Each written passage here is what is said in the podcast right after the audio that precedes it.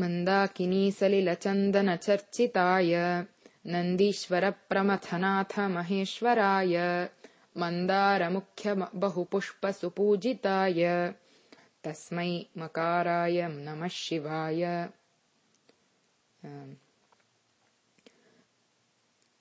अस्य श्लोकस्य अर्थः मन्दाकिनी सलिल् सलिल् मन्दाकिनी सलिलया चन्दन चन्दन् चन्दनेनापि चन्दनचर्चिताय